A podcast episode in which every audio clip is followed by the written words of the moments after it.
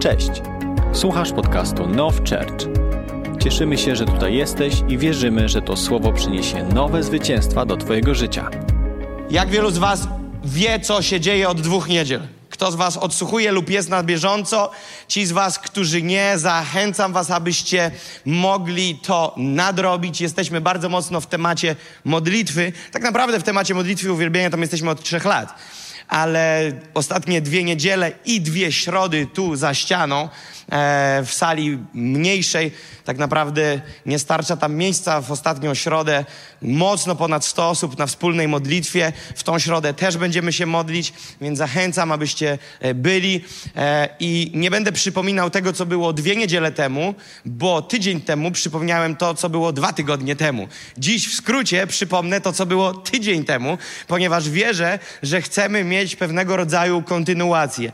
Rzadko kiedy wchodzimy tutaj w taką e, z tytułu serię, ale chciałbym, żebyście wiedzieli, że to gdzieś tam poniekąd ma w sobie trzecią część dzisiaj, tego, gdzie e, podróżujemy od tych dwóch tygodni. Dzisiaj jest taka część trzecia. Mówiliśmy o tym, jak zradzać rzeczy w modlitwie. E, mówiliśmy o tym, jak e, w modlitwie możemy wygrywać, walcząc, wygrywać z chorobami. Możemy w modlitwie ogłaszać zwycięstwo nad swoją rodziną. Mówiliśmy o napełnianiu czaszy modlitwą na podstawie objawienia świętego Jana 5:8. Jak, dla, jak wielu z Was odkryło coś nowego w tej samej tylko ilustracji? Komu z Was to pomogło? Jak napełnialiśmy tą czaszę modlitwą, jak napełnialiśmy tą czaszę ilustrując wodą i do momentu przelania się. Wierzymy, że wtedy następuje ten przełom e, w modlitwie, ponieważ jest gdzieś ten element tych modlitw, gdzie walczymy, napieramy, czujemy, że już jest blisko. Czujemy, że już jest blisko. E, jedna z osób tu na sali kiedyś walczyła o wskrzeszenie jednej osoby zmarłych. E, po prostu w kostnicy już. I pamiętam, jak ta osoba mówiła mi, że słuchaj, no było, walczyliśmy tam wiele, wiele, wiele godzin i czu, czuliśmy, czuliśmy, jak dosłownie ta osoba jest jakoś już blisko, jest już, już gdzieś wraca, gdzieś to się już zadziało. No, nie wierzyliśmy, że nie wyjdzie stąd z nami. Już było tak blisko, a jednak nie wróciła. Ale wiecie, jest ten wymiar, że przesuwasz coś, napierasz i czujesz, jak rzeczy się zaczynają dziać. Czujesz, jak nie, nie, umiemy często tego wyjaśnić słowami, ale one zaczynają być bliższe nam.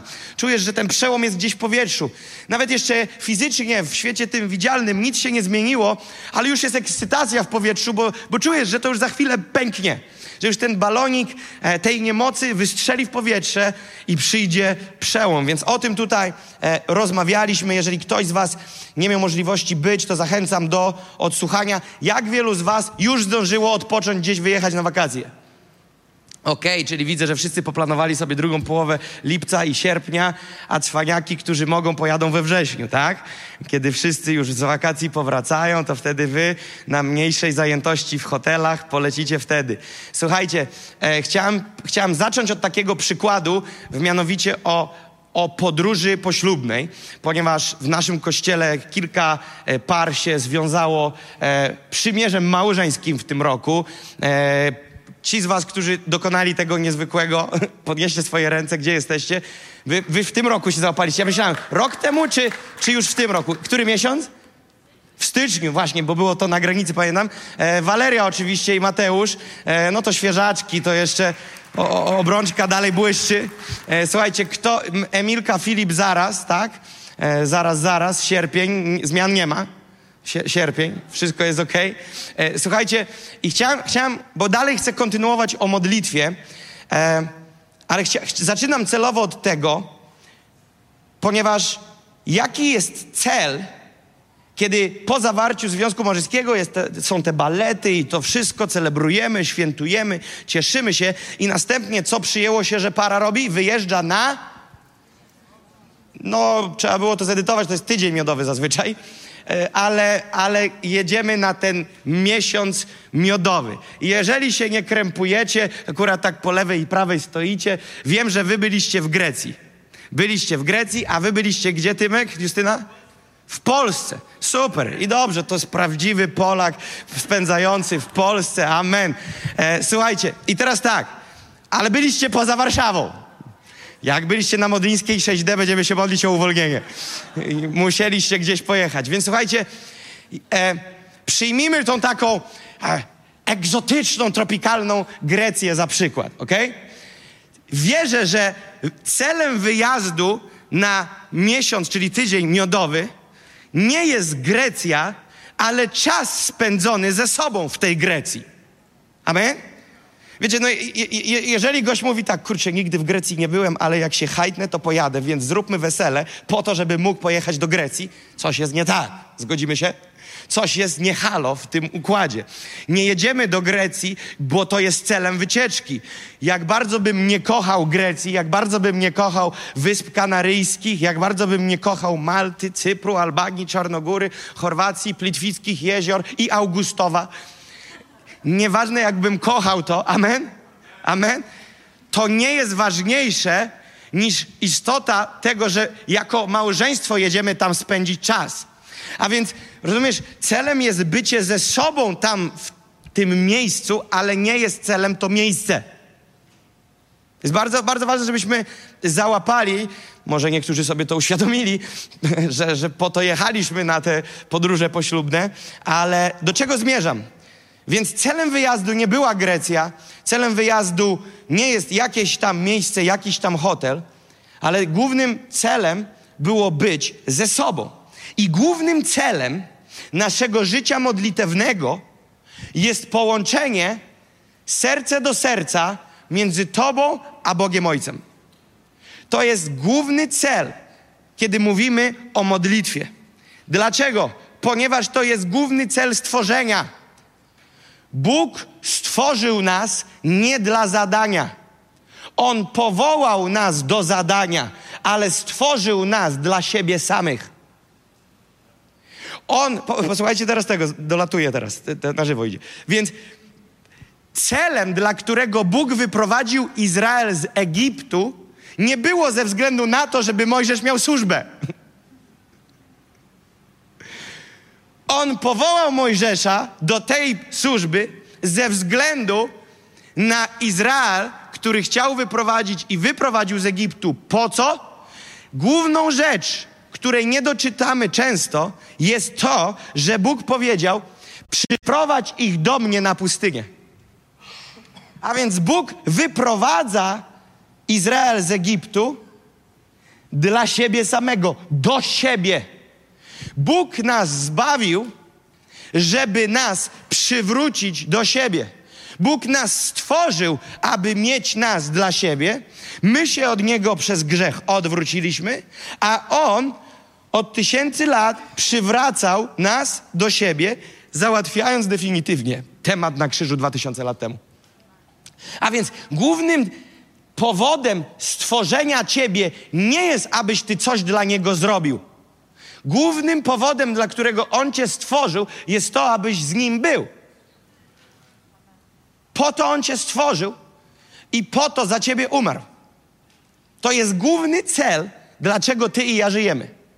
Natomiast cel stworzenia, a powołanie nad Twoim życiem to oddzielny temat. Dziś nie o powołaniu, ale obiecuję Wam, że w najbliższych tygodniach będziemy mówić o powołaniu. Ale powołanie, czyli zadanie, które Ty realizujesz w swoim życiu, to jest coś innego niż cel. To zadanie nie jest celem, dla którego On Cię stworzył. Kiedy widzimy tutaj Tymka grającego na gitarze, Bóg nie stworzył go, aby Tymek grał na gitarze. Bóg stworzył go, żeby mieć go dla siebie. Ale dał mu talent, dał mu zdolność i powołał go do służby uwielbienia. I to jest dzisiaj jedno z kilku zadań w jego życiu, którym on służy Panu. Ale ta gitara nie jest celem jego stworzenia. Więc teraz modlitwa odzwierciedla dokładnie tą samą częstotliwość. Ja w modlitwie wchodzę do tej komory z Kościołem, spotykam się na kolektywnej modlitwie. Ja uwielbiam Pana w domu, uwielbiam Pana z Kościołem kolektywnie. Celem numer jeden tego jest On sam. I teraz doprecyzuję, co mam na myśli. serce Boga, a nie to, co On może nam dać. Nie przychodzę się modlić ze względu na to, że wszechmocny Bóg, no zgadzam się, że jest wszechmocny, po co się z tym zgadzam? Bo On może mi coś dać. Nie, nie. Przychodzę do Niego, bo On jest godzien tego, abym ja do Niego przyszedł, przychodził, z Nim był, dla Niego żył. I celem nie jest przyjście do Niego po to, że On ma możliwość coś mi dać. Ja nie przychodzę do Niego po to, ze względu na to, co On może mi dać, ale ze względu na to, kim jest.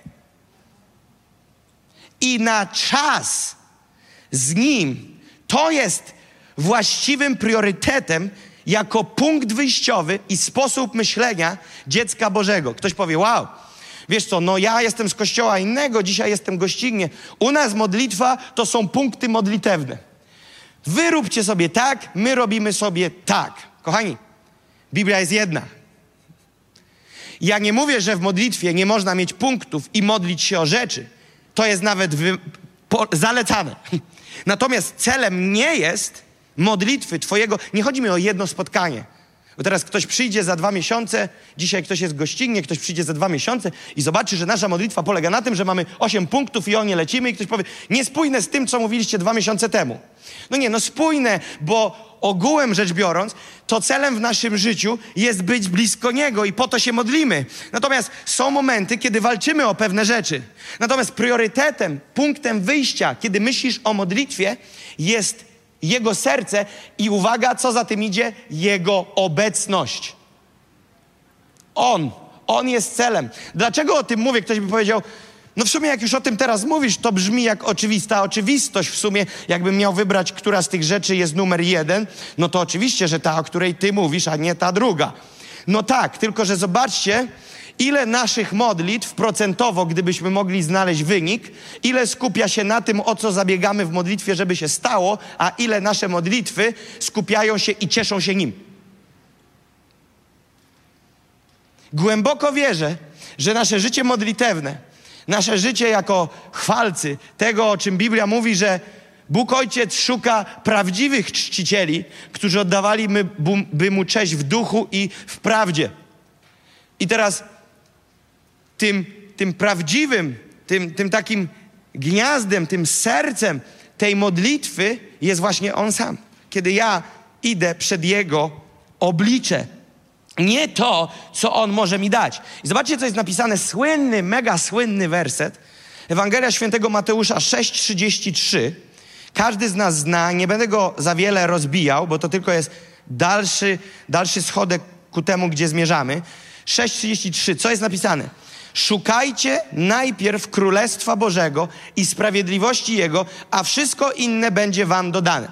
Bardzo króciutko chcę coś wyjaśnić. Królestwo Boże. Królestwo ma to do siebie, że w królestwie rządzi król. I, i centrum królestwa to król. Królestwo bez królestwa nie jest królestwem. Królestwo bez króla nie jest królestwem. A więc teraz sensem królestwa jest król. Nie ma królestwa bez króla. A więc kiedy czytamy, szukajcie Królestwa Bożego wpierw, najpierw, jako priorytet, to musimy zrozumieć, że nie chodzi o otoczkę wokoło króla, chodzi o króla. Jako numer jeden. A królem Bożego Królestwa, już chyba się nie da łatwiej tego pytania sformułować, jest Jezus. Jezus jest królem. I to On jest tym, o kim mowa w tym wersecie. Kiedy rozmawiamy o Królestwie Bożym, to nie możesz wykluczyć z tego Boga Ojca, Jezusa i Ducha Świętego. Bo, bo wtedy czymże jest królestwo? A więc kiedy jest napisane szukajcie najpierw Królestwa Bożego, to owszem, bo nieraz z tego wersetu nauczałem na, w kontekście, że kaman, musimy służyć Panu, musimy poświęcić na czas priorytetowo na sprawę Bożą, na służbę, w szczególności do liderów, jak głoszę gdzieś. Jeśli jestem w, w, w terenie, w innych kościołach, na jakiejś konferencji dla liderów, często używam tego wersetu do tego, żeby powiedzieć o tym, że hej, no naszym jednym z priorytetów jest to, abyśmy czas swój przede wszystkim poświęcili na służbę Panu. Roz, rozumiecie? Ale, ale teraz do czego zmierzam? Te wszystkie inne rzeczy będą wam dodane.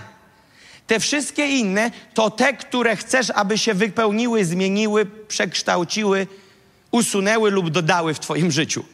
To są te wszystkie inne rzeczy. I teraz okazuje się, że to słowo najpierw w innym tłumaczeniu Biblii wpierw, a jeszcze w bardziej współcześnionych na początku, e, jakkolwiek by nie było. Chodzi mi o te słowo, pokażmy jeszcze raz 6.33, o te słowo, które jest najpierw, to okazuje się, że to jest greckie słowo proton. I te słowo proton ma, ma bardzo ciekawe tłumaczenie, bo odnosi się, że jest to coś, co jest pierwsze w czasie. Czyli jeżeli mówimy o kontekście czasu, to to jest pierwsze. Okazuje się, że też proton jest to coś, co ma pierwsze miejsce. Idźmy dalej. Odnosi się też do pierwszego miejsca w rankingu, jeżeli jakiś ranking jest. Słowo proton odnosi się do pierwszego miejsca w rankingu. Słowo to odnosi się także do wpływu i honoru. Odnosi się także do tego, że jeżeli jest jakikolwiek ciąg następstw rzeczy lub osób, to to słowo proton sugeruje, że to, na co wskazuje proton, ma być pierwsze. A więc tutaj, ale, na, ale szukajcie proton Królestwa Bożego. Tak brzmi w oryginale. A więc oznacza to, ja osobiście w to wierzę, że kiedy mówimy o takim zbalansowanym życiu, ja nie mówię o tym, że odchylone od, od reguły rzeczy, bo są sytuacje, gdzie jedziesz samochodem, wypadniesz z trasy i pół samochodu, jak w filmie, wisi nad mostem, ale ty nie możesz poprosić, żeby samochód nie spadł, bo najpierw musisz podziękować Panu Jezusowi y, za krzyż. No nie, no wtedy krzyczysz, Panie, podtrzymaj samochód. Rozumiecie, nie robimy jakiejś religijnej liturgii, dziwnej, niepotrzebnej. Ja bardziej próbuję powiedzieć, że w naszym życiu modlitewnym, w naszym życiu z Bogiem, priorytetem powinno być najpierw na ustach nie proszę, a dziękuję. Bo proszę wskazuje na to, czego nie ma, dziękuję wskazuje na Niego i to, co mam dzięki Niemu. Wierzę, że kiedy wchodzimy w stabilne życie z Panem, kiedy, kiedy balansujemy to, kiedy doprowadzamy do, do normalnego funkcjonowania z Bogiem. Wiecie, nie jest łatwo funkcjonować normalnie w jakimkolwiek obszarze życia, kiedy jest ponadnaturalnie szalony sztorm, prawda? Kiedy jest sztorm, kiedy się sypie, kiedy są kłopoty potężne, kiedy jesteś pod ścianą. No nie jest łatwo krzyczeć, dziękuję i żyć normalnym, zbalansowanym stylem życia. Są momenty w naszych dniach, w naszym jakimś tygodniu, gdzie nie mamy czasu jeść, prawda? Gdzieś lecimy szalenie, tempem, coś się dzieje, złapiemy na wyjściu jakiegoś banana, butelkę wody. Jak gdzieś jedziesz, to patrzysz, 300 metrów zjadę z trasy, zahaczę o jakiegoś McDonalda. Rozumiecie? To nie jest normalne życie, tak się nie żyje. Wstajesz, jesz normalne śniadanie. Ale są momenty, kiedy wybiegasz, nic nie zdążyłeś zjeść, dzieje się pożar. Ale kiedy mówimy o normalnym życiu, a prędzej czy później trzeba doprowadzić do normy, normą życia chrześcijanina jest to, że ja skupiam się na dziękuję bardziej niż na proszę. Wiesz dlaczego? Tajemnica brzmi tak. Jeżeli zaczniesz od proszę, nigdy nie dojdziesz do dziękuję. Wiesz dlaczego? Bo proszę wzbudza Twoją wiarę w to, czego nie ma, a dziękuję wzbudza w Twoją wiarę w tego, który już nie raz tego dokonał i zrobi to jeszcze raz. A więc kiedy mówię dziękuję, widzę autora. Kiedy proszę, zastanawiam się, czy autor może to zrobić.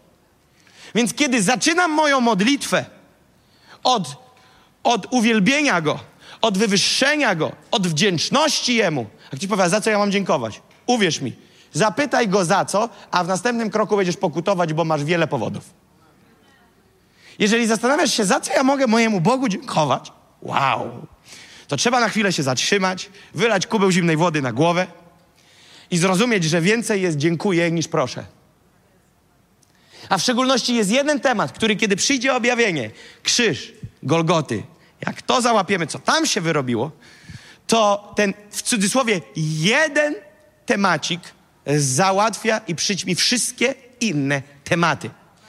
A więc ja chcę zaczynać od, od Niego, skupiając się na Nim, nawet kiedy mam pożar. Staram się jak mogę skupiać się najpierw na Nim, nie na sprawie. Wiesz dlaczego? Zgadnij. Teraz pomyśl, roz, roz, próbujemy, to, próbujemy to rozgrzebać po to, aby odkryć pułapki, w które się daliśmy wgonić. Pomyśl o tym. W większości przypadków próbujemy uświadomić Boga, jakby On nie wiedział. W naszym myśleniu, niewypowiedziany sposób, te modlitwy starają się przekonać Boga, że warto, żeby uzdrowił cię z choroby nieuleczalnej. Przecież On bardziej tego pragnie niż ty. My nie potrzebujemy przekonywać Boga.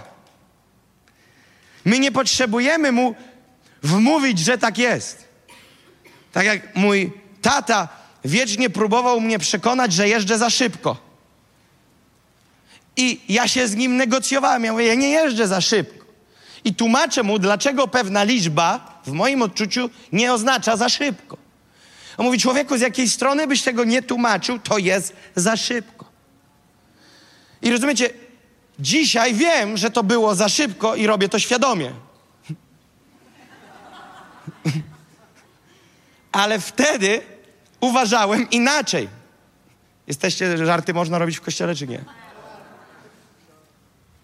Wolniej jeżdżę. Pastor Richard tam naopowiadał o mnie historii, z dwa razy się zdarzyło, słuchajcie, ale normalnie jest normalnie. Więc e, w, w, o prędkościach mi tutaj zaraz będzie. Więc kiedy ja będę przekonywał Boga, o Panie, mówię Ci, naprawdę warto by było, żebyś te dwa miliony złotych uwolnił nad Nations on Fire, bo my nie spłacimy This is our time i wielu innych rzeczy. Ja nie potrzebuję go o tym przekonywać. On o tym wie. I kiedy my wchodzimy na modlitwę, nie ujrzymy chwały Pana, nie ujrzymy Jego piękna, nie ujrzymy Jego oblicza, nie, nie zachwycimy się Nim. Ja wierzę, że w każdej modlitwie powinien być zachwyt Panem. Bo jeżeli nie ma zachwytu, to znaczy, że Go nie widzisz, bo jak Go widzisz, to nie da się nie powiedzieć wow. A więc zachwyt Panem i dopiero później z pozycji tego blasku widzę, jak ten blask jednym strzałem może załatwić niemożliwe.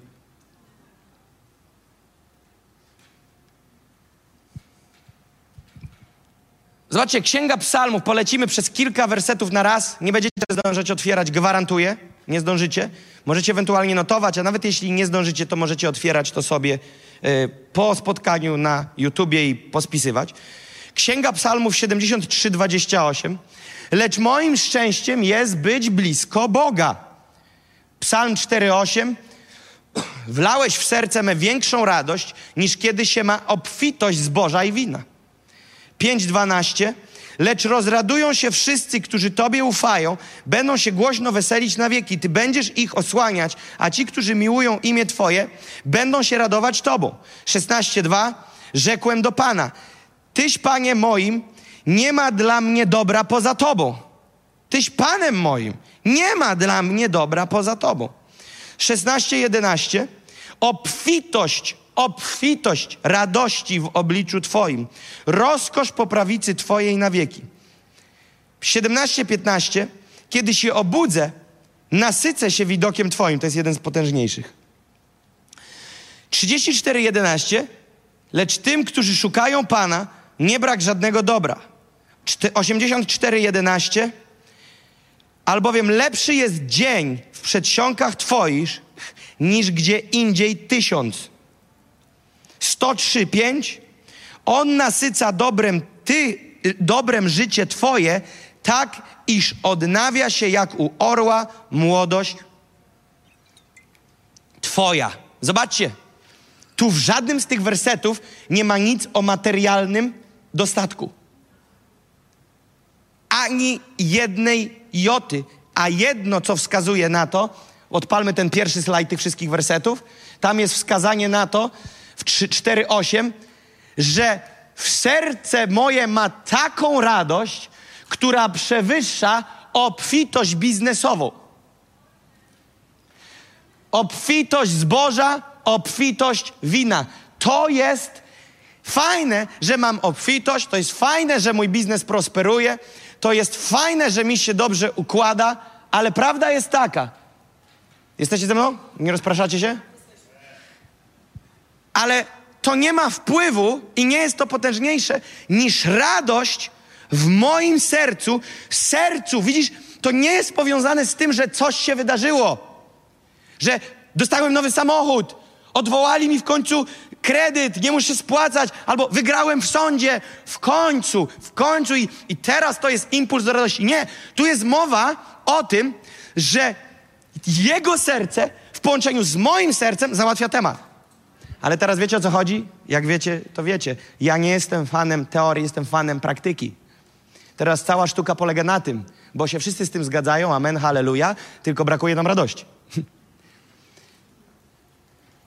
Bo jak zwykle temat jest transmitera, przewodu, przepływu tego od niego do mnie. I zgadnij, co jest kanałem. Modlitwa i uwielbienie. Jak tego doświadczać w praktyce? Oczywiście, że widzimy to, to, to, te wersety, my możemy zobaczyć je w naszym życiu także poprzez to, jak On nam błogosławi, otwiera nam różne sposobności, ochoczo nas wynagradza. Dostajesz podwójną wypłatę, dostajesz drugi samochód, ktoś ci daje w prezencie wyjazd na wakacje. To są takie przejawy, rozumiecie? takiego namacalnego fizycznie prezentu od ojca. Ale ja nie o tym wymiarze mówię, bo ten w miarę wszyscy wiemy. Problem polega na tym, że jeżeli tylko ten wymiar wzbudzi w tobie impuls radości, bo to tylko impuls będzie, wiecie o tym, bo wakacje się skończą. Samochód się popsuje. To jeżeli to jest tym impulsem dostarczenia do ciebie tej radości, to ty nigdy nie będziesz prawdziwie radosny. Nie będziesz. To nie będzie działało. Prawdziwa radość, prawdziwe szczęście, moim szczęściem jest być blisko, co pierwszy werset mówi, blisko Boga. A więc patent jest taki, że my potrzebujemy zrozumieć, że moje życie w szczęściu i w radości jest zależne od tego, jak Jego serce wpłynie na moje serce. A to może wydarzyć się tylko i wyłącznie, przez wymiar modlitwy i uwielbienia, w którym oczywiście nieodłączne jest Słowo Boże.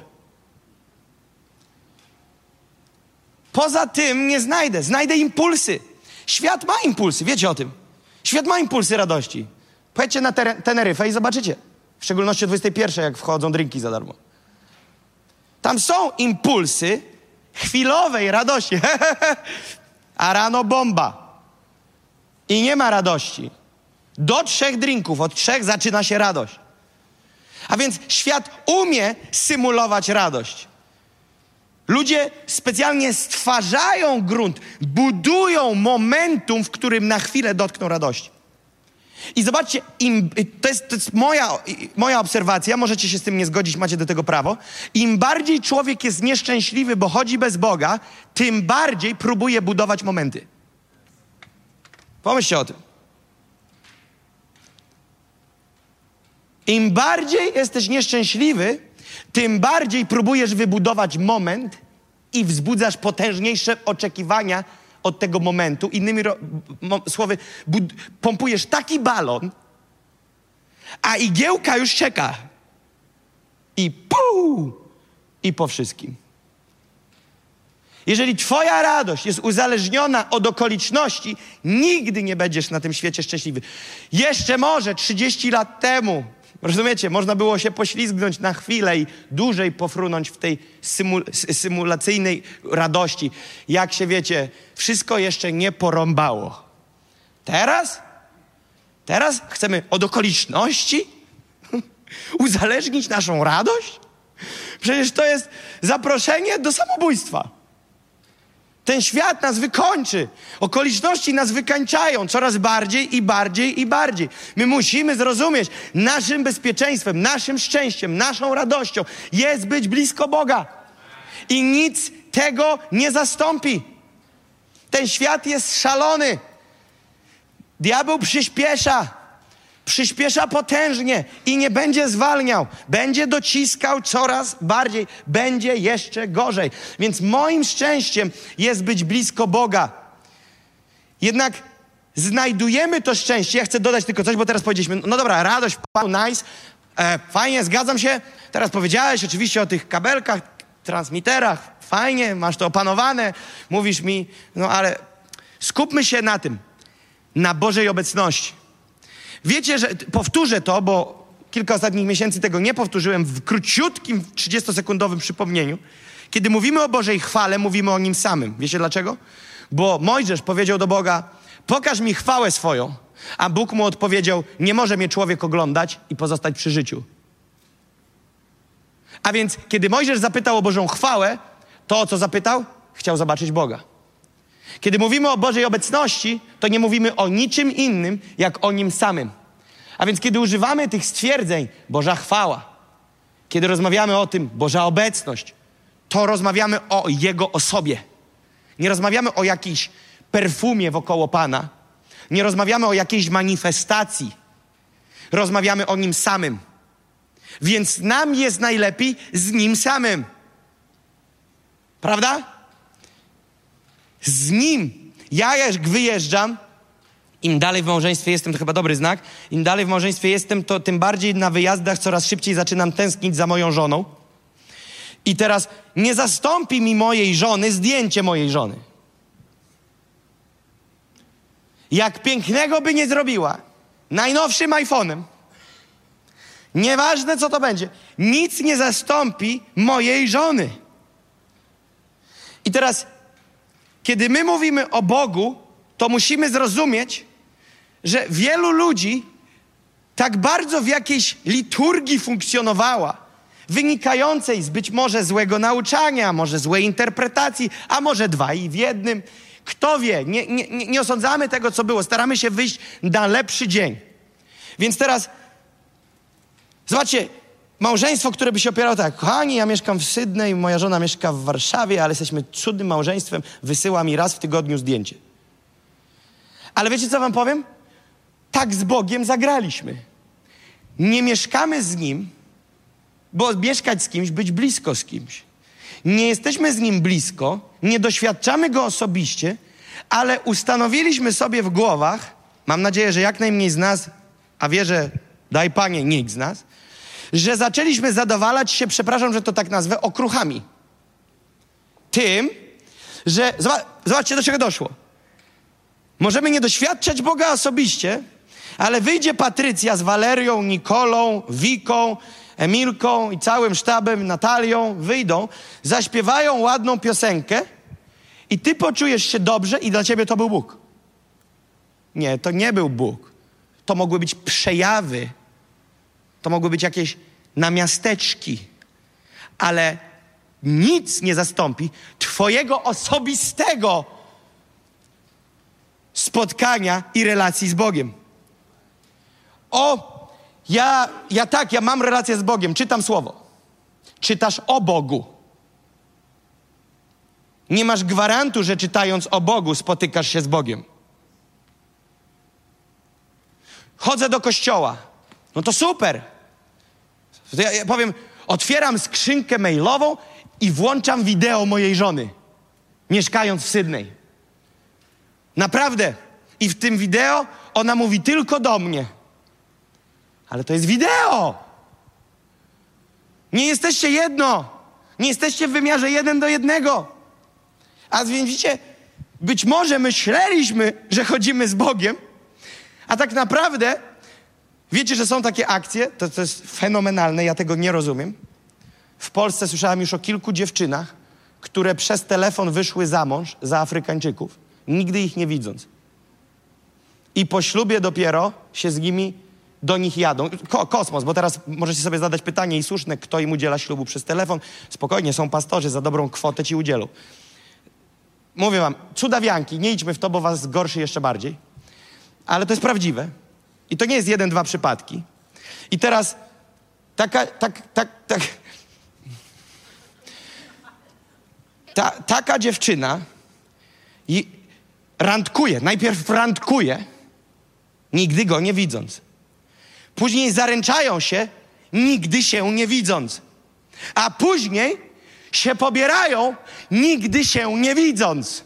Później żyją w małżeństwie, nigdy się nie widząc i planują, że za kilka lat się ze sobą spotkają. I niestety tak jest w chrześcijaństwie.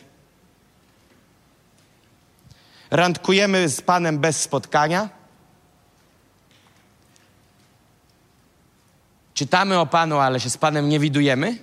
Przychodzimy do kościoła, w którym mówią, że to jego dom, ale właściciela nie widzieliśmy. I jesteśmy w przymierzu, w którym nigdy nie spotkaliśmy się z drugą osobą. Z, z osobą Jezusa Chrystusa. My musimy wywalić z głowy jakiekolwiek religijne schematy. Na szybko sprawdzam, czy mam. Mam. Mam.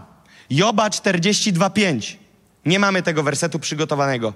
Joba 42,5. Słuchajcie. Job przedstawia konkluzję swojego życia. Tylko ze słyszenia wiedziałem o Tobie, lecz teraz moje oko ujrzało Cię. 42 rozdział to jest końcówka jego historii. Tylko ze słyszenia wiedziałem o Tobie, ale dzisiaj moje oko Cię ujrzało. To znaczy, że wczoraj go nie widziało. Ale przecież wszystkie inne rozdziały to modlitwa Joaba. Joba. Poprawiajcie mnie, jak się mylę. Nie patrzcie na mnie. Eee. Jak widzicie, że się pomylił facet, to poprawcie go. Więc Job, Job ma życie modlitewne. Job pada, wstaje, unosi ręce, klęka, ale dopiero w 42 rozdziale mówi: Ja cię tylko ze słyszenia znałem. Z opowieści. Dopiero teraz moje oko cię ujrzało. Widzicie to? Kiedy nastąpił lub nastąpi 42 rozdział, 5 werset w Twoim życiu? Kiedy nastąpi ten moment, że powiesz: OK, zaufałem Ewangelii, uwierzyłem w Ewangelię, poszedłem za Ewangelią, ale tak naprawdę to zderzenie z Panem miałem wtedy, wtedy, wtedy i wtedy. Albo, o kurczę, w sumie już 20 lat idę za Ewangelią, jestem zbawiony. Uwierz mi, możesz być zbawiony, ale z Panem się jeszcze nie spotkałeś. Może te zdanie dla kogoś jest kontrowersyjne, w szczególności fanów słowa i doktryny. Wyjaśnimy innego dnia. A, ale taka jest prawda. I widzicie, my musimy się pozbyć tego, że jesteśmy na pół, bo tak naprawdę to jest na pół zadowolonych, że coś tam poczułem, coś tam ten, wiesz, zgodziłem się z tym słowem, ponotowałem, wow, super, nawet to przesłucham jeszcze raz. Okej, okay, to nie jest cel. Celem jest On. Celem jest On. Prosty termometr. Jesteś szczęśliwy, nie odpowiadaj. A tak no, a wiesz, no, a pytasz o ten weekend, ostatni tydzień, sezon mój ostatni. Nie, nie, pytam, czy jesteś szczęśliwym człowiekiem.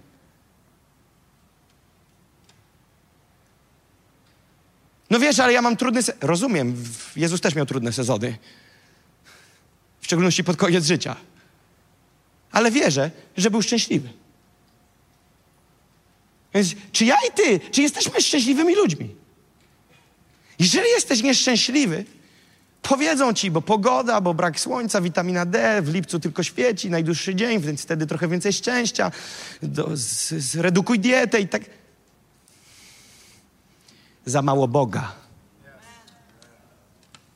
Za mało Boga. Słońce też jest ok. Dieta, czad, bierz.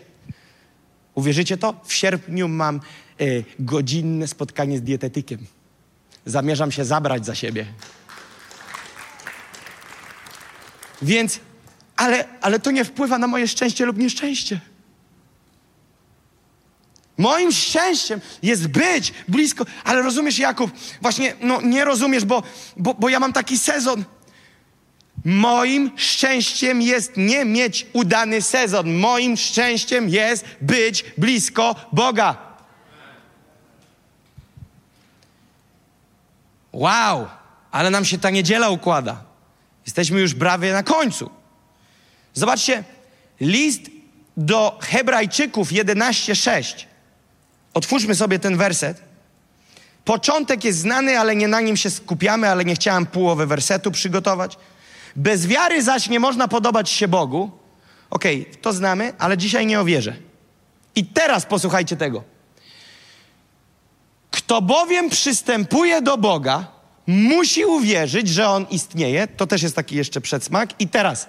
I że nagradza tych, którzy Go szukają. Jednym z nieodłącznych elementów modlitwy jest szukanie Bożej twarzy. Jakbym był w milionerach i by padło pytanie, główny element modlitwy? I jakby mi kazali zaznaczyć jedno, a tam byłoby Boże serce, szukanie Jego twarzy, bym się, bym, nie, nie wiem, co bym zrobił. Bo to i to. Ale, ale zobaczcie, szukanie Pana, ktoś powie, poczekaj, szukanie, to co on się schował? I to jest temat, który tylko raz wyciągnąłem tu w kościele i ja go tylko dotknę na sekundę, bo dziś nie ma na to czasu, tego nawet jedno nabożeństwo całe nie, roz, nie roz, rozłoży tego na czynniki pierwsze. Ale dlaczego w ogóle jest ten cały temat tej modlitwy, tego zamknięcia drzwi w komorze, Izajasza 40-31, jakiegoś progresywnego wzbijania się w górę. Czy nie mógłbym po prostu być już tam na górze? Czy nie mógłbym już po prostu być w tej sile? Czy nie, mus, nie mógłbym od razu znaleźć bez szukania? Przecież skoro zasłona jest rozdarta, to, to jaki element szukania?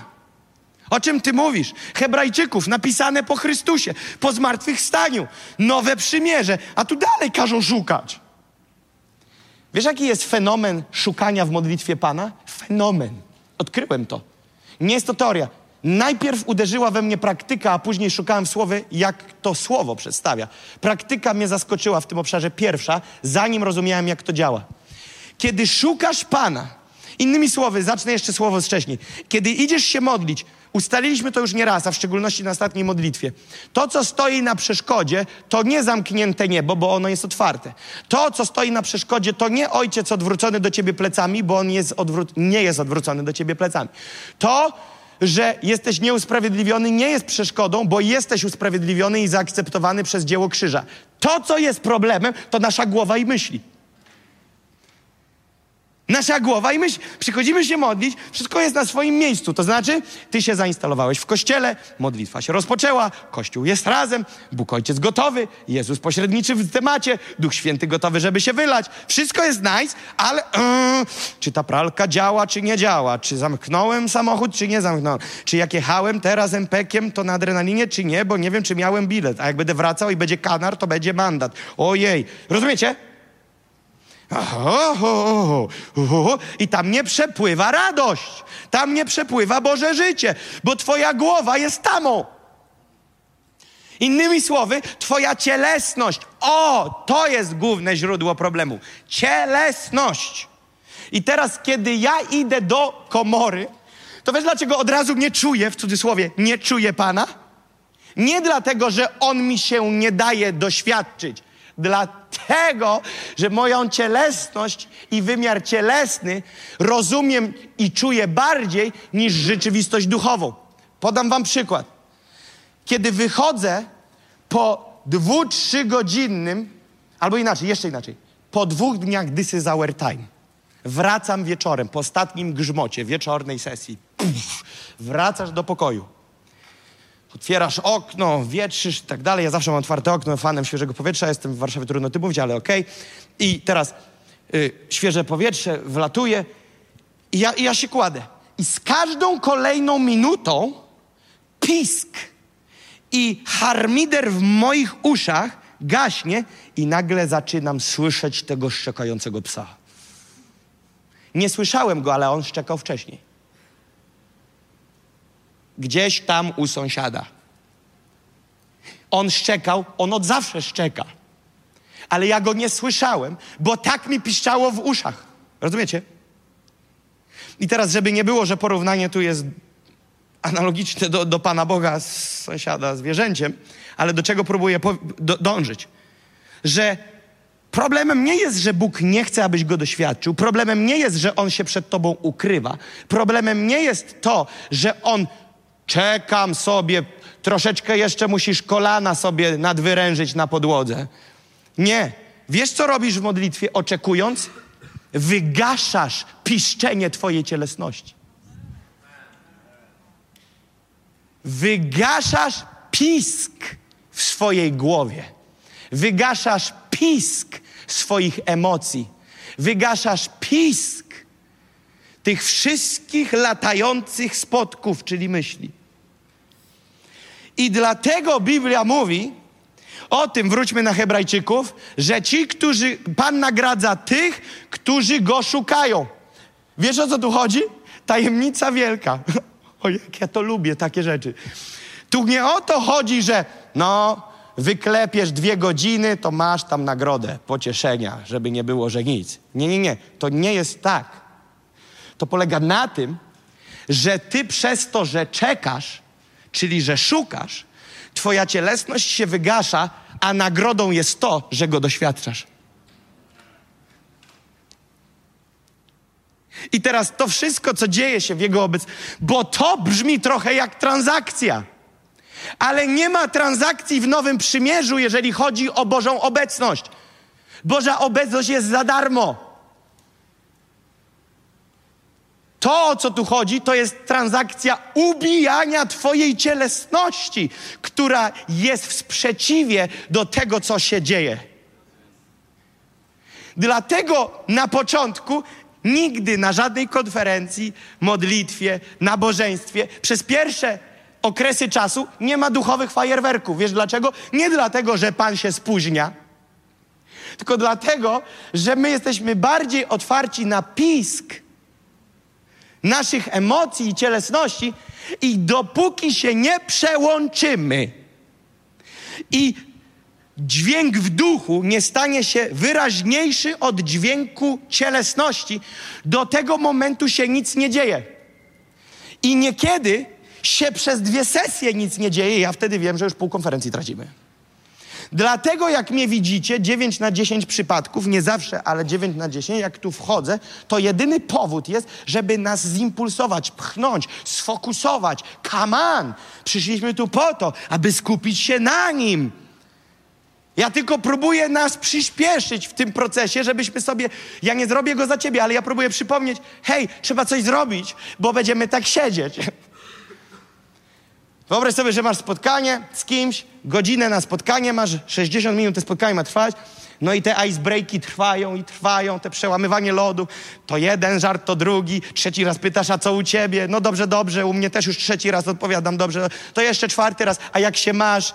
I ktoś tak mądry powinien powiedzieć, słuchaj, czas tracimy, jedziemy dalej czy nie? I przychodzimy do kościoła, przychodzimy do komory i często przez brak zrozumienia, jak te rzeczy działają, o których mówię, tracimy czas. Bo religia nas nauczyła, że przychodzę do Pana, wielkiego, strasznego Boga i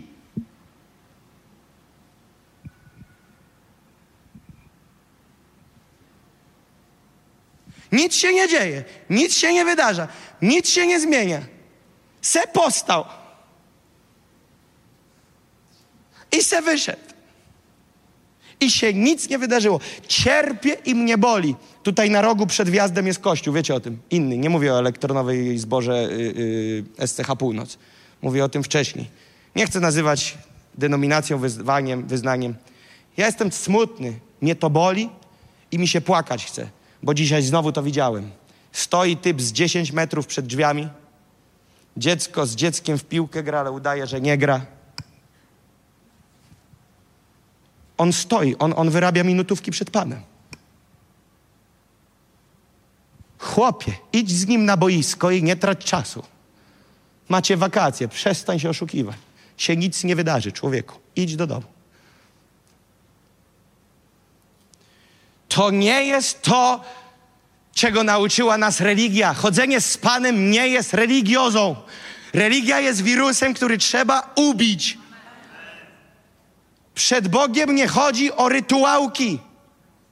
Przed Bogiem chodzi o to, ja chcę Boga. Ktoś powie, jaka agresja w tym młodym chłopcze. Wielu ludzi mi mówi, nie szanuje Pana tym krzykiem.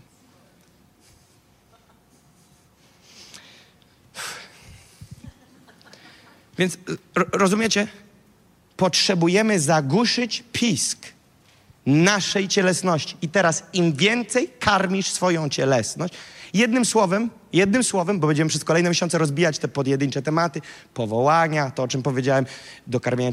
Wiesz, co jest między innymi? Rytm życia bardzo szybki. 19 modlitwa. Myślisz, że coś o 19.4 będzie? O 19.04 twoje ciało próbuje dalej się wyrwać, bo, bo rytm cię trzyma z ostatnich 12 godzin, ale rytuał chrześcijański nakazuje podnieść ręce do nieba. I pajacujemy. I się bawimy. Bawimy się i tracimy czas, bo nic się nie dzieje. Więc co się dzieje? Nawet jak musisz lecieć od siódmej do siódmej. Super, wpadaj na tą modlitwę. Ale wydaj wojnę swoim myślom. Masz na to obietnicę w słowie. Co mówisz? Każda wszelka myśl poddana w posłuszeństwo Chrystusowi. Gazisz to. Ale czemu masz zacząć to robić o 19, jak tu wejdziesz? A? A mogę pójść dalej, taki już przeskakując szpagatem? A czemu nie doprowadzić do miejsca, w którym to twoja cielesność jest wiecznie ciszej niż świat duchowy? I pracując, i biegnąc, sprzedając na taśmie, krojąc kurczaki, cokolwiek tam robisz. Jesteś bardziej świadomy świata niewidzialnego, duchowego niż widzialnego. I ty przychodzisz na modlitwę i ty nie masz żadnego pisku. I ty wchodzisz, bo panujesz nad tym. A wiesz, z czym się to wiąże? Z dyscypliną. Z dyscypliną. I ktoś powie, Boże, jak trudno się robi. Nie! To jak ze wszystkim. Po prostu wprowadzasz to w życie i z tym lecisz. I łatwiej się żyje, bo finalnie to ci, którzy się z tym nie zgadzają, bo mówią, że jest trudno, chodzą po pomoc do tych, którzy mówią, że to łatwe. No wiesz co, no jednak miałeś rację. No a czemu tak późno? A nie łatwiej by było prewencyjnie zadziałać, zanim się wszystko wykolei? Ale wiesz co, ja nie słyszę Boga, ja nie słyszę Boga. No ja wiem, bo słyszysz bardziej pisk. To jest oczywiste. Świat duchowy, świat cielesny. Musisz zadecydować, co krzyczy głośniej. I modlitwa i uwielbienie nie jest ciężkim obciążeniem i rytuałem religijnym. Jak załapiemy to, co mówiłem przez ostatnie 40 minut, to zrozumiesz, że to jest przywilej i radość, a nie ciężki chrześcijański obowiązek. Ja się modlę nie z obowiązku. Ja się nie modlę, bo jestem pastorem, no i tak wypada. Się modlę, bo moim szczęściem jest być blisko Boga. No dobrze, twoim szczęściem jest być blisko Boga, a moim szczęściem jest skakać na spadochronie. I ile musisz poskakać, żeby być szczęśliwy? I ile ta ekstaza radości trwa? Tylko, że na tym się nie kończy, bo gdybym tu skończył, to jest koniec po wszystkim, bo byśmy w domu za kilka dni wymalowali sobie zły obraz. No dobrze, no to ja jestem w tej obecności, ale pieniędzy nie mam, zdrowia nie mam, sprawy mi się sypią, rodzina mi się rozjeżdża, ale moim szczęściem jest być blisko Pana. Życie się rozsypuje, nie ma żadnych przełomów. Nie, nie, nie, nie, nie. Możemy wrócić do Matiego 6,33? Królestwa Bożego proton. I nie ma kropki. A wszystko inne będzie Wam dodane. Kiedy ja wchodzę w miejsce, w którym szukam Go, jestem z Nim, jest On dla mnie numerem jeden nie w kontekście, że ja pracuję po 8-10 godzin w biurze tu na Modlińskiej 6D w siedzibie Nations on Fire, to znaczy, że 10 godzin poświęcam dla Pana. Bo może być, że nawet minuty moje serce nie było poświęcone Panu. Więc nie chodzi o robienie. Ja mówię teraz o czymś innym. Kiedy On jest naprawdę dla Ciebie numerem jeden w Twoim sercu, a nie z godzinówek to wychodzi ale to też na inny dzień, gdzie miłość, tam i czas. Ale to już nie dodajmy tutaj do pieca na dziś. Więc po, po, powiem, że nie, kochanie, ja cię kocham, kocham, kocham, kocham, kocham, kocham, kocham, ale nie mam i nie będę miał dla ciebie czasu. Serio? To ty mnie kochasz? No tak, musisz mi uwierzyć. Przez wiarę, przyjmij to. Błogosławieni, którzy nie widzieli. Widzicie, bajery, bajery, bajery. Panie, ja Cię kocham, jesteś dla mnie najważniejszy, oddałbym za Ciebie wszystko, ale nie oddaję, bo nie mogę, ale kocham. Aha, czyli świat słów jest daleko w kosmosie, a świat rzeczywisty i Twoje czyny zgodne z prawdą są wiele poziomów niżej. My najczęściej słowami wyprzedzamy rzeczywistość. No niektórzy prorokują, a niektórzy się przeliczają. Natomiast to, co chcę powiedzieć, to że Pan chce Ci odpowiedzieć i chce Ci błogosławić. On nie powie do Ciebie, nasyć się moją obecnością, bo jak wyjdziesz z komory, to będziesz se radził sam. To tak nie działa. On chce ze mną być w każdym miejscu mojego życia. I On chce zabezpieczać mi rzeczy, życie. Chce mnie chronić, chce mnie osłaniać, chce mi błogosławić. Teraz posłuchajcie tego. Nie tylko wtedy, kiedy ja o to proszę. Wyobraź sobie, że dam Dawidowi, mojemu synowi, jeść tylko, kiedy on mnie o to poprosi. Załóżmy, że mnie cały dzień nie prosi, ja powiem, no nie daje, bo nie prosi.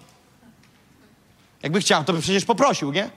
Gnojek jeden, pięć lat ma, mógłbyś już zacząć się wysławiać. Nie! Normalnym jest, przepraszam, trochę fikcji tu jest, to moja żona daje częściej jedzenie dzieciom niż ja. Więc moja żona, ona, ona nie myśli z rana, hmm, ciekawe, czy moje dzieci dziś mnie poproszą. Bo jak nie poproszą, to nie dostaną gnoje jedne. No nie! Normą jest, że rodzic przygotowuje posiłek dla swojego dziecka, nawet jak jeszcze to dziecko nie wstało.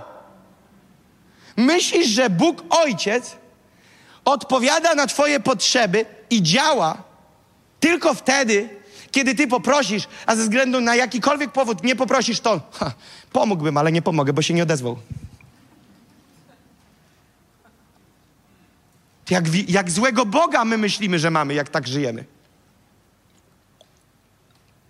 Więc tak naprawdę mówię Wam szczerze, z roku na rok, z roku na rok w moim życiu modlitewnym maleje proporcja proszenia i wzrasta proporcja dziękowania. Wiesz dlaczego?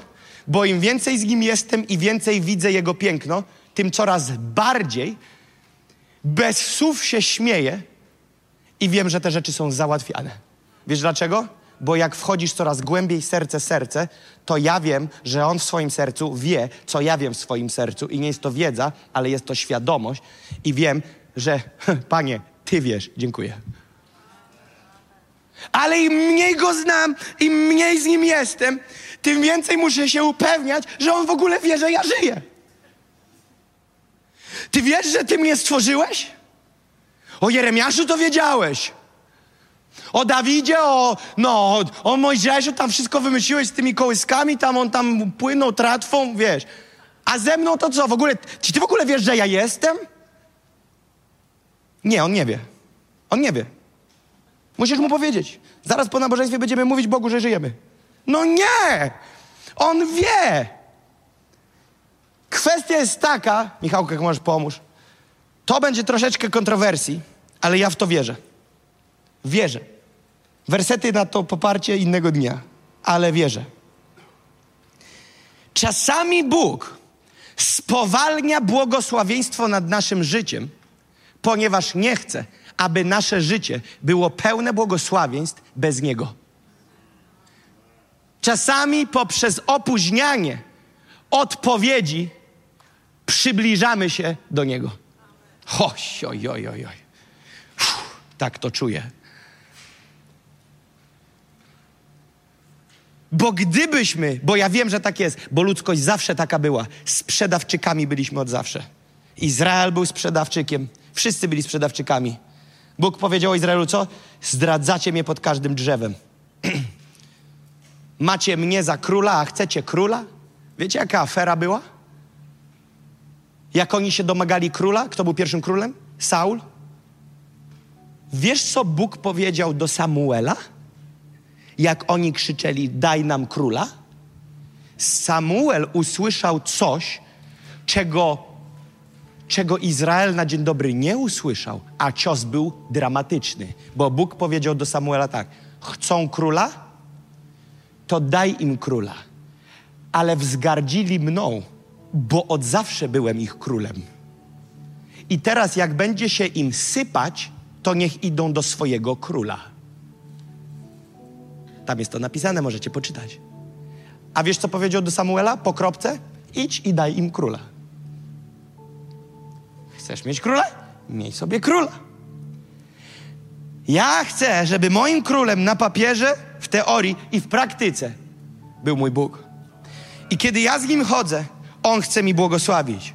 On chce sprawiać dla mnie prezenty. Kiedy ja jestem z Dawidkiem i widzę, że mógłbym kupić mu jeszcze jeden prezent i jeszcze jeden prezent, i to ja nie chcę, żeby on patrzył na mnie jako na typa od prezentów, ale chcę, żeby wiedział, że jego tata daje mu też prezenty. I czasami już stoję z jakąś zabawką w kolejce, mówię, kurczę, przeginka niedawno dostał. Nie przesadzajmy, bo dla niego tata to będzie kup prezent. I my tak samo przed Bogiem. Bóg czeka na nas z prezentami. Bóg czeka na nas. Na nas On czeka. My czekamy na Niego, a to On czeka na nas. O, daj mi męża, daj mi męża, się modli dziewczyna, daj mi męża, daj mi męża, mam już 20 lat, daj mi męża. Złapaliście żart po drodze z 20? Dzisiaj już w 20 roku życia dziewczyny krzyczą, już późno jest, 20 lat mam. Daj mi męża, daj mi męża, daj mi męża.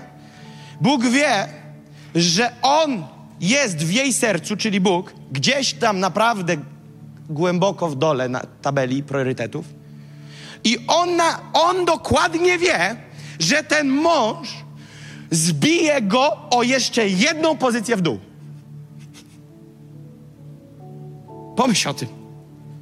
To nie znaczy, że dlatego nie masz męża, a być może dlatego. I w drugą stronę, chłopcy rapowcy, też tak jest. O panie, tą nową robotę, jak mi ją dasz, to te wyjazdy, trzy tygodnie w cztery nie będę w domu. Nie będziesz w kościele. I zrobię to, i zrobię tamto. Ale dobrze, ale panie, no, powiedz co? Aha, no teraz już widzę. Gdyby to na mnie spadło za wcześnie, nie miałbym tego jak dźwignąć i zamieniłbym błogosławieństwo z tobą. Ale teraz być może, bo nie chcę przez to powiedzieć, że nie możesz trzy razy w tygodniu być gdzieś indziej, próbuję przez to powiedzieć, że musisz być na pewne rzeczy gotowy. Gotowy w swoim sercu. Innymi słowy, mam kazanie przygotowane. Zobaczcie, ile jest treści przed nami jeszcze. Jeszcze jedno mam przygotowane. Wiecie jakie? Co robisz w miejscu błogosławieństwa? Tytuł nawet już mam dziś. Co robisz w miejscu błogosławieństwa? Co robisz, kiedy te rzeczy się dzieją? Dlaczego to forsuje? Ponieważ wiele razy Bóg wstrzymuje nad nami pewne rzeczy, żebyśmy przybliżyli się do Niego. Ciekawe, że gdybyśmy nie mieli żadnych problemów, czy nasza potrzeba Boga byłaby tak sama jak wtedy, kiedy nie ma problemów? A pomyśl sobie po tych czasach trudnych sezonów, jak bardzo poznałeś Boga. Widzisz, ktoś powie: Aha, czyli Bóg uczy mnie przez trudności. Czy to jest dobry ojciec? Więc Bóg sprowadza na mnie trudne sezony po to, żeby mnie nauczyć. Błąd. Nasz twardy kark zmusza taką szkołę do wejścia w nasze życie. Bo do królestwa jest lepiej wejść bez oka, Biblia mówi, bez nogi i ręki, niż z, oką, z okiem, ręką, nogą pójść w ogień. Więc żadna z rzeczy tych świeckich, materialnych nie jest ważniejsza niż relacja z Bogiem. Zakończę tym słowem i będziemy się modlić. Zapytałem na konferencji, na której się nawróciłem. 17 września 2015, kaznodzieja, który usługiwał, pytam go po spotkaniu przy stole na kolacji, jeden na jeden, kiedy akurat chwila była, że nikogo przy stole nie było, kilka sekund. Wypowiedziałem mu, co tam się dzieje, jakie decyzje życiowe przede mną, on powiedział do mnie zdanie tak. Ja się spodziewałem, że on mi powie, to możesz, to możesz, to tak niepodobne do chrześcijaństwa, to nie, to tak. A on mi odpowiedział zdaniem, wszystko, cokolwiek spowalnia cię – w Twoim wyścigu z Bogiem, usuń to. bo nic i nikt nie jest warte tego, aby zastąpić lub spowolnić mi proces i wymiar poznawania mojego Boga. Amen? Kochani, powstajmy.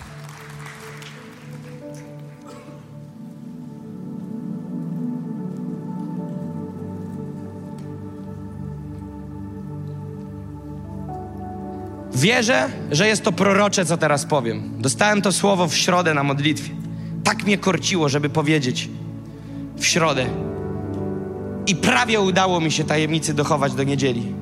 Gdzieś tam ona wyleciała, ale nie w pełni. Ewangelia świętego Łukasza 22:8. Wierzę, że to jest prorocze słowo.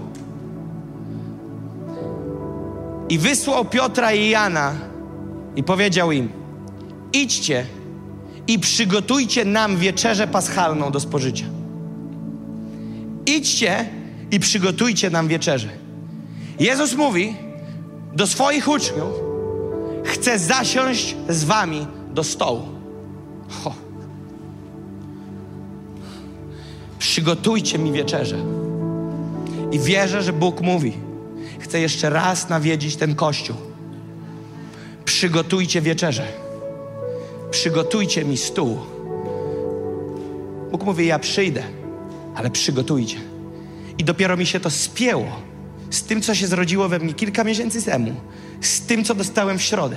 Ponieważ od kilku miesięcy, jeszcze przed pierwszym czasem poruszenia, przed pierwszym, przed majowym, miałem przekonanie, że kolejny czas poruszenia, i nie byłem pewien, czy to ten majowy, czy ten kolejny, że będzie właśnie takim Bożym nawiedzeniem.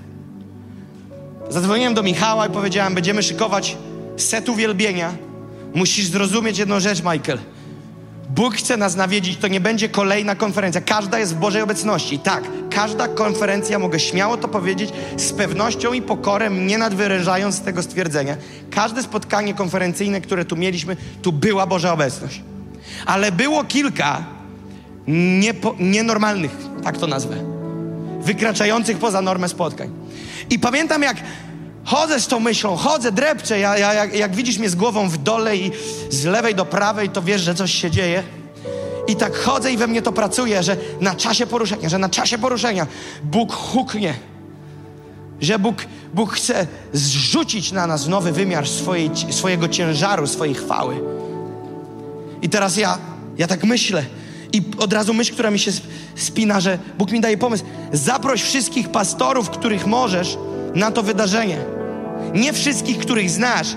I tam widziałem nazwiska, które mam zaprosić, nie chcę ich tutaj wymieniać. I już mam dzwonić, tak się podpaliłem, że na maj, że na maj. Ale widzę, że nie, że, że Bóg mówi, to nie to, to nie ten miesiąc. I wtedy Bóg mi dał pomysł, aby w maju na czasie poruszenia głosić o autorytecie wierzącego. Pamiętacie? Więc ja zostałem z tą wieczerzą, zostałem z tym zastawieniem stołu w zawieszeniu. I wtedy Bóg mi pokazał czas poruszenia dwa. Tamte spotkanie. To będzie bomba. Ja mówię, okej. Okay. Wtedy Bóg mówi, dzwoń. Obdzwoniłem tych wszystkich pastorów. Tylko jeden powiedział, że nie może, bo ma już coś zaplanowane i mówię, całkowicie rozumiem. Wszyscy inni przyjeżdżają. Ja powiedziałam, będzie inwazja. Musimy się przygotować. I wierzę, że Bóg chce bardziej niż my, bo On to aranżuje. Nie wiem, czy nawet jest takie poprawne słowo, ale wieczerzyć z nami. Zasiąść z nami do stołu jeszcze raz.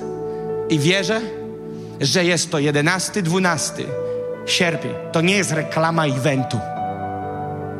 To jest fakt, który Bóg mi dał jako prorocze słowo, że to się wydarzy. I teraz to, że Bóg do czegoś nas zaprasza, to mówi jeszcze przygotujcie.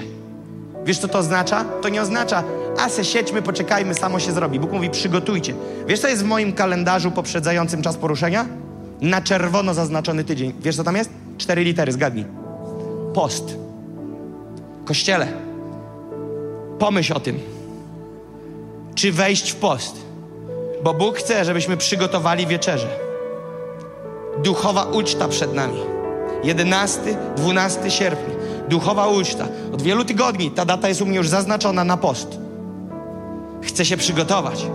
Chcę przygotować swoje serce. Czym jest post? Głuszeniem pisku cielesności. Jak się przygotować? Ktoś powie, chce się przygotować. No właśnie tak. Gaś swoją cielesność w tych dniach, żeby nie tracić ani chwili. Spotkanie się zacznie w piątek wieczorem, ty już w Bożej obecności pływaj od rana. Będziesz w pracy, okej. Okay. Powiedz, że masz dzisiaj problemy z żołądkiem i chodź co pięć minut do toalety. Panie, dzięki, dzięki Ci, Panie. Przygotuj swoje serce. Przygotuj, namaszczaj, namaszczaj się na to spotkanie. Przygotowuj się i przyjdziemy tu wszyscy i uwolnimy uwielbienie, podniesiemy uwielbienie i modlitwę. I wierzę, że doświadczymy Pana w ponadnaturalny sposób, jeszcze bardziej, jeszcze bardziej niż zwykle. Pomódlmy się. Panie, to nie my chcemy bardziej niż Ty, to Ty chcesz bardziej niż my. Panie, my przepraszamy Cię, że pozwoliliśmy sobie, nieważne z jakich powodów, ale pozwoliliśmy sobie uczynić w naszych głowach modlitwę ciężarem, uwielbienie obowiązkiem. Ale przecież tak, Panie, nie jest. Przecież to jest pompa życia, Panie. Panie, modlitwa jest jak tlen, ponieważ pompuje Twoją obecność. O Panie, uwielbienie nie jest ciężkim obowiązkiem, ale jest, Panie, armatą zrzucającą ciężar Twojego szekajna, Twojej chwały. O Panie, my chcemy powracać każdego dnia w coraz to większy i głębszy, potężniejszy wymiar zasolenia się, marynowania się Tobą, Twoją obecnością. Panie, bo naszym sensem, celem naszego życia jest być blisko Ciebie. Stworzyłeś nas dla siebie, zbawiłeś nas dla siebie, uwolniłeś nas dla siebie, przyprowadziłeś nas dla siebie. Chciałbym bardzo szybko, szybciej niż zwykle i nie robić z tego oddzielnej ceremonii. Niektórzy z Was mają urazę do czegoś, do kogoś, do jakiegoś wydarzenia, do jakiejś osoby, do jakiejś decyzji, która blokuje Cię. I nie wiesz, że to, ta uraza jest blokiem, który blokuje Cię przed innymi rzeczami, między innymi przed dotykiem świeżym, świeżej obecności. Ja chcę dalej się modlić, a Ty przyjdź do przodu i zrzuć to przed Panem. Panie, ja dziękuję Ci, że Ty chcesz nas przygotowywać, oczyszczać swój Kościół na tą inwazję, Panie. Na nawiedzenie, na świeże wylanie, Panie. Panie, my chcemy się upozycjonować właściwie, śmiało. Jeżeli ktoś z Was chce wyjść, wyjdźcie. Ja wiem na 100%, że ktoś jest, bo w duchu czuję. Śmiało, śmiało. Jest kilka osób jeszcze. O Panie, o Panie, my zrzucamy to. Zrzucamy te rzeczy. Zrzucamy te rzeczy z naszego serca, z naszego umysłu, jakiejś urazy, jakiegoś zablokowania, ponieważ tak naprawdę największymi przegranymi tego jesteśmy my sami. I Panie, ja modlę się o wolność, o wolność, aby te ciężary spadły, Panie. Niech spadną, Panie. Niech przyjdzie lekkość, niech przyjdzie wolność, Panie. Niech przyjdzie pokój. O, Panie.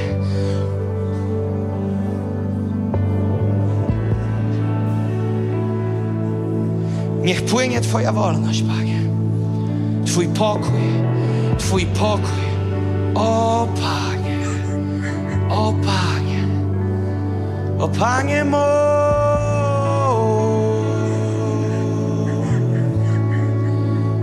Wolność Twa jest mój.